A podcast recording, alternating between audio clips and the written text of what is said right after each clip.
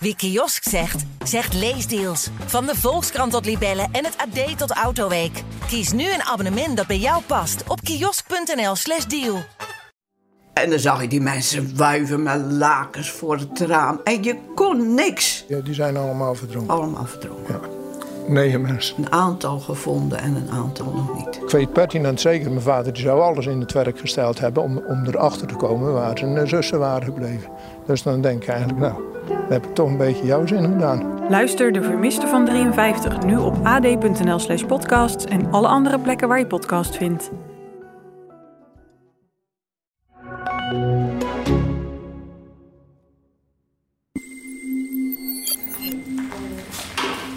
We hebben een afspraak eh, om kranten in te zien bij het archief. Mag even uw naam? Van Oorschot. Tete Lepta. Mooi, welkom. Dank u.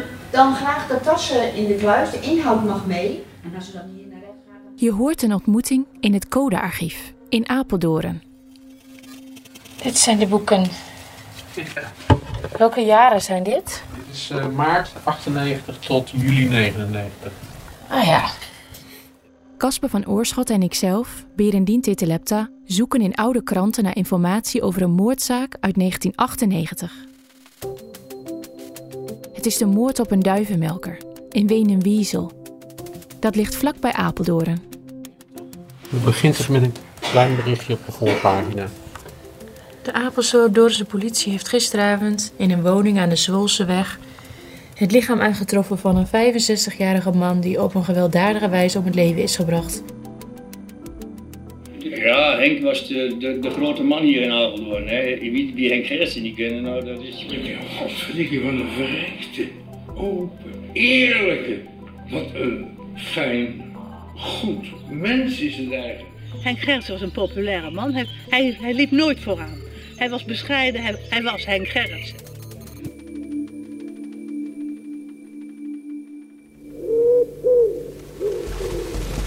Je luistert naar De Moord op de Duivenmelker. Een podcast van het Algemeen Dagblad en de aangesloten regionale dagbladen. Mijn naam is Berendien Tetelepta. En samen met Casper van Oorschot doe ik onderzoek naar een cold case. De moord op de geliefde Henk Gerritsen.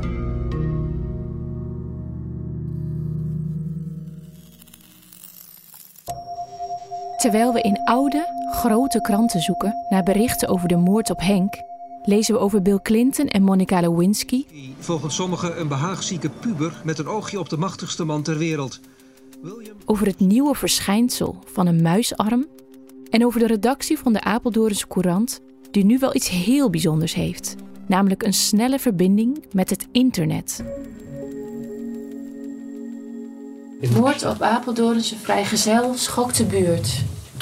Een enorm gezien man stond bekend om zijn kostbare, goed presterende groep duiven. Hij werd in 1997 nog generaal kampioen van afdeling 8 van de Nederlandse Postduivenhoudersorganisatie. Het onderzoek richt zich op onbekende bezoekers die zaterdag 28 maart bij het slachtoffer zijn geweest. Verder zouden er volgens de politie ook enkele mensen van buitenlandse komaf bij Gerritsen geweest zijn. We lezen artikelen van Jeroen Pol, een verslaggever van de Apeldoornse Courant in 1998. Hij was een paar weken voor de moord nog bij Henk thuis voor een artikel over zijn duiven. Uh, Henk uh, werd uh, de generaal genoemd en was al bekend in de regio als een duivenmelker met ontzettend veel succes. Kan jij nog iets zeggen over de impact die, die Gerts dood destijds heeft gehad nou, ik, op de duivenwereld ik, in Hagenaar? Ik weet nog zeg maar, dat ik daar weer wegreed en dat ik dacht van wat, wat, wat, wat een bijzondere man. En ja, dat bijzondere, dat, dat bleek daarna ook wel. Uh, want ja, iedereen in die duivenwereld uh, kende Gerts. Hij, hij, hielp, hij hielp ook uh, dingen te regelen met, met, met wedstrijden en zo. Hij was veel meer dan alleen een duivenmelker die, die, die de prijzen wilde pakken. Het, het, het, ging hem ook, denk ik, niet eens zozeer om die prijzen, als wel om gewoon de beste duiven te hebben en het maximale uit die duiven te halen. Hij, hij leefde ervoor en hij deed er alles voor. In 1998 stond het internet in haar kinderschoenen. Wie thuis internet had, bracht een verbinding tot stand met een krakende en piepende modem. Er waren nog geen online profielen of kranten die alles op internet plaatsten. Het was het jaar dat er voor het eerst in de geschiedenis een wetsvoorstel werd gedaan om mensen van het gelijke geslacht te laten trouwen. Over Henk vinden we online weinig. Geen interviews met de generaal kampioen van 1997, geen foto's, geen online profiel. Het eerste dat we vinden komt uit 2012. Toen besteedde Omroep Gelderland aandacht aan de moordzaak. We vinden een reportage waarin Henks zus Corrie aan het woord komt. Dat is een fijne vondst, aangezien ze met deze podcast niet mee wil werken. Op 30 maart 1998 doet Corrie Steenbergen een gruwelijke vondst. Haar broer, duivenmelker Henk Gerritsen uit Wenum-Wiesel, ligt dood op zijn slaapkamer. Toen kwam de huisarts, ja, toen moest hij dan toch op zijn buik gedraaid worden. Daar heeft mijn man mee geholpen.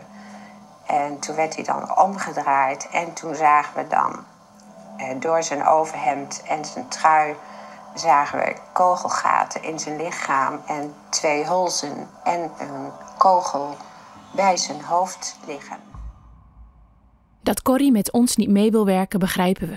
Het heeft jarenlang veel energie gekost en niet tot een dader geleid. Ze wil de zaak na al die jaren laten rusten. Ook de politie laat de zaak nu liggen. Er zijn al jaren geen nieuwe aanknopingspunten. Een mail aan politiedesk Oost-Nederland. Dag heer mevrouw. Vanuit het onderzoeksteam van. We vragen de politie om inzage in het dossier van Henk Gerritsen. Casper en ik werken allebei al lang in de journalistiek. Dus we weten dat we niet morgen een uitnodiging krijgen om deze zaak eens van voor tot achter te gaan doorlichten, samen met de politie. Maar wie niet waagt, wie niet wint. We vragen het en gaan ondertussen vooral zelf op onderzoek uit. Hartelijke groet, Berendien Titelepta, Caspar van Oorschot. Op dit punt hebben we al meegekregen dat Henk een geliefd man was. Dat veel mensen om hem gaven en dat hij een kring van vrienden om zich heen had. Om meer te leren over Henk, over wie hij was, zoeken we contact met een oude vriend. Een vriend van Henk, uit de duivenwereld. Sittert. Het is Ab van Sittert, uit Apeldoorn. Um, en ik wilde vragen of ik uh, met mijn collega bij u langs mag komen. Wanneer hebben u gedacht dan? Wanneer... Nou, wij kunnen bijvoorbeeld morgen. morgen De kantoren zijn, in verband met corona, dicht als wij deze podcast opnemen. Dus we gebruiken het camperbusje van Casper als rijdende redactie.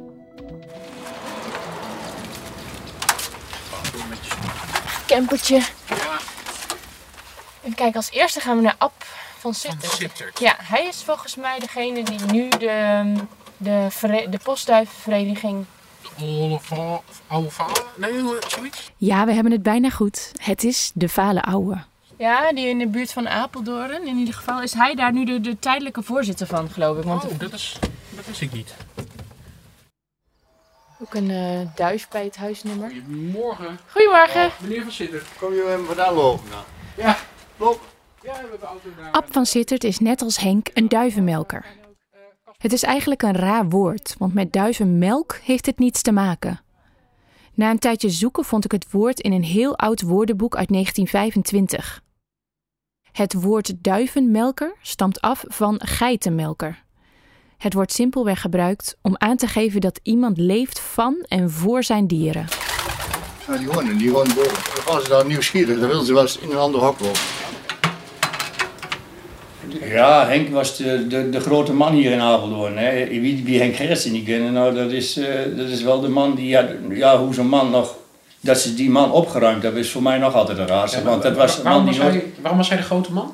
Nou, dat was een topper in Apeldoorn. Die was altijd bij de kampioenen, zat altijd bij de eerste. En hij deed heel veel werk hier in Apeldoorn. Superstar. Na een bakje koffie en 10 minuten elkaar leren kennen, verbaasde Ab ons met een hele bijzondere collectie. Ab heeft alles bewaard van die tijd: mappen, dozen, stapels artikelen, boekjes, documenten, allemaal over Henk Gerritsen. Hij vertelt dat zijn broer altijd zegt: Ab, waarom bewaar je dat toch allemaal? Wat een onzin. Wat heb je daar nou aan?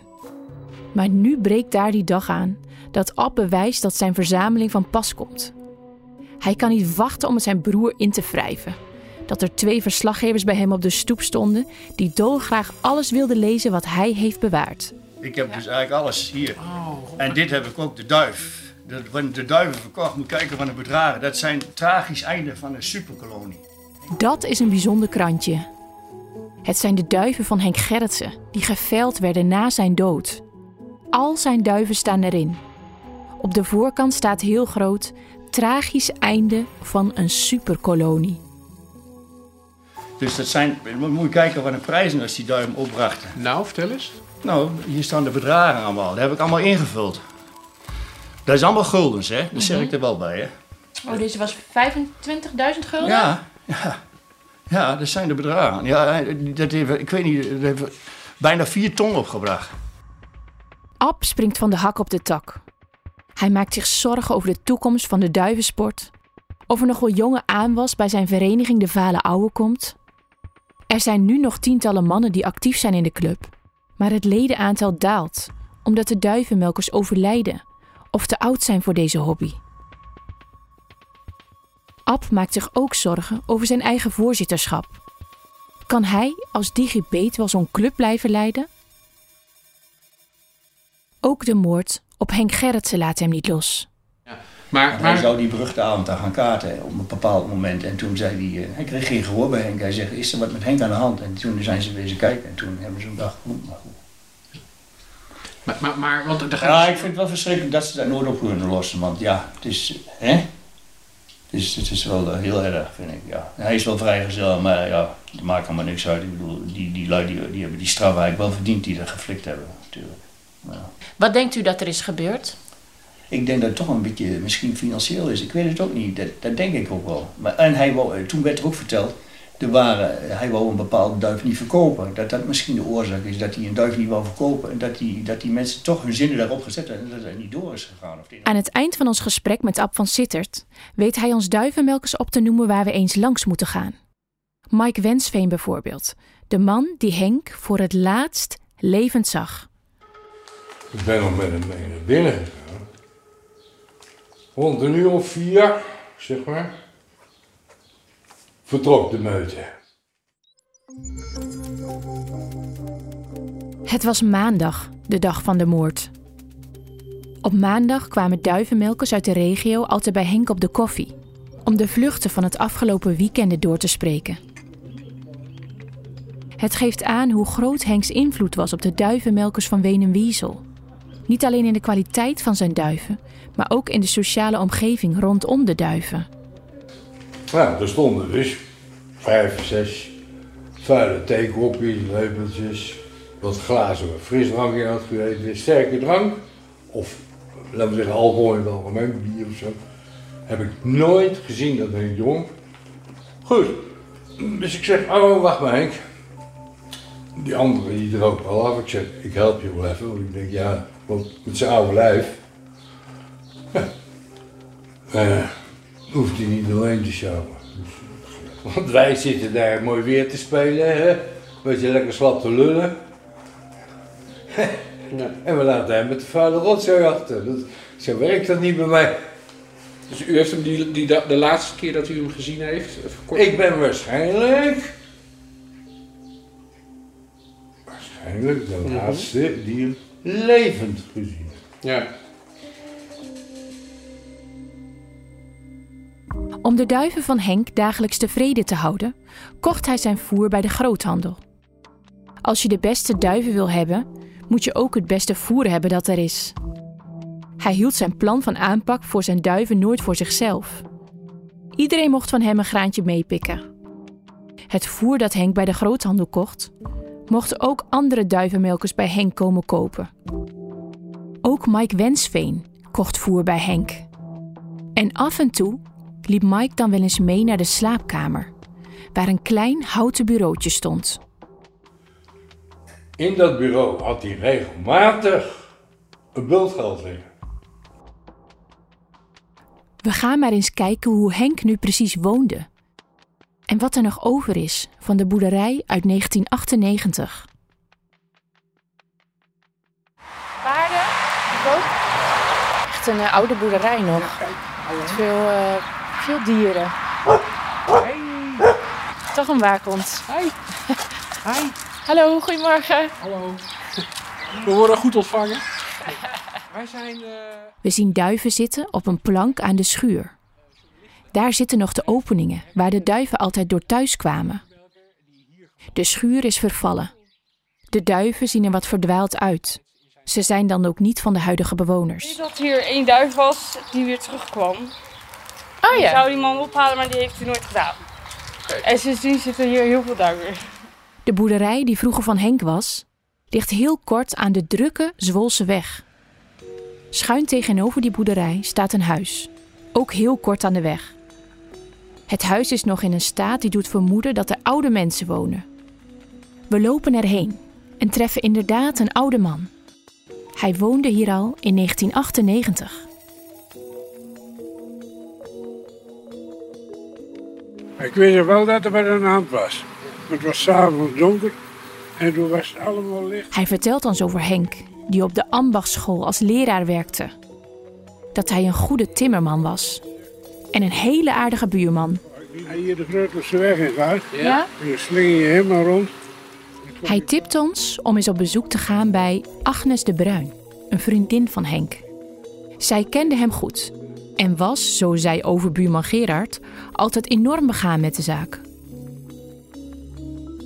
We volgen de route die de buurman ons heeft meegegeven en rijden kilometers lang door het bos over onverharde paden. Later zal Agnes de Bruin ons nog vertellen dat zij eigenhandig al jarenlang de asfaltering van die paden tegenhoudt. Ze wil het natuurlijk houden in het bos. Helemaal in het midden van dat bos komen we op een paadje richting een huis. Er staat een vrouw met vijf honden op het pad. Ik ben op zoek naar mevrouw de Bruin. Daar bent u. Daar ben ik. Oké, we zijn een podcastserie aan het maken over Henk Gerrit. Oh, Henk Gerritsen. Ja. Oh, vreselijk. Ja. Die hebben ze vermoord. Ja, met die postduiven. Oh, vreemd. En mijn broer was, ja zeker. Nou, moet je luisteren. Ik, eh, Agnes begint honderd te praten over Henk. We staan voor haar huis. Haar huis lijkt wel een paradijs. Het is een landelijk huisje midden in een prachtig bos. Ze is omringd door dieren. Er lopen honden om haar heen. Er zit een papegaai naast ons op een stok. Er hupt een konijn over het gras. Agnes leeft voor de dieren. Moet je luisteren. Henk Gerritsen, die woonde daar.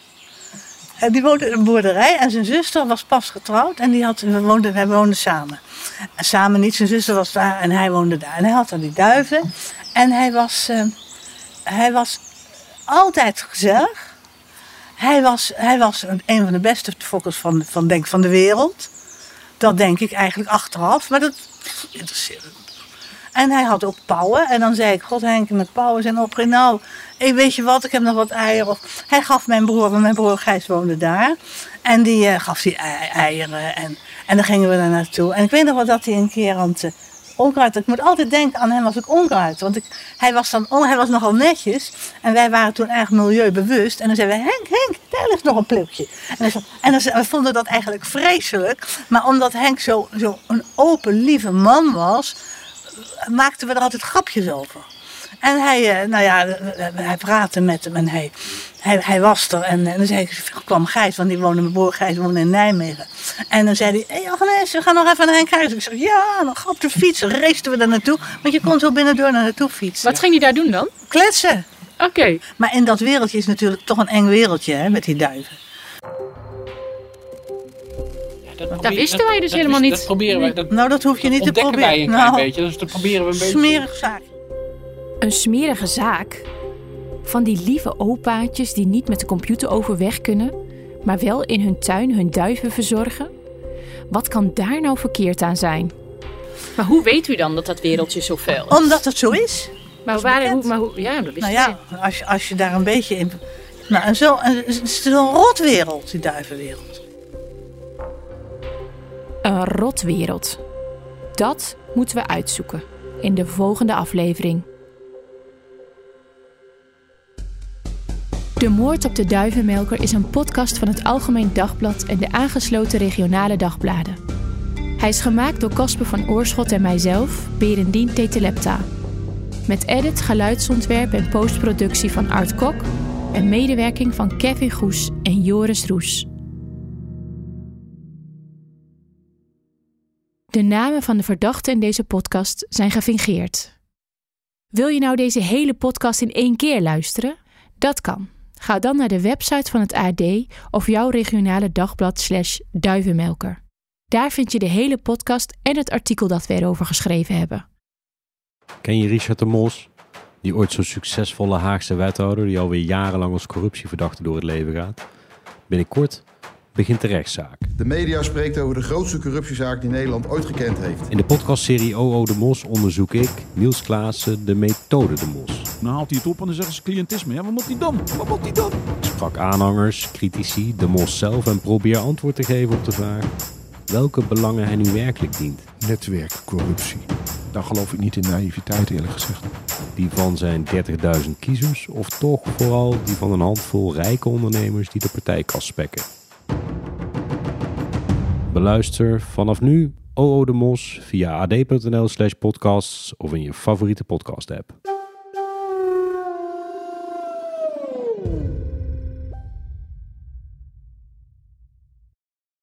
Wie kiosk zegt, zegt leesdeals. Van de Volkskrant tot Libellen en het AD tot Autoweek. Kies nu een abonnement dat bij jou past op kiosk.nl/slash deal.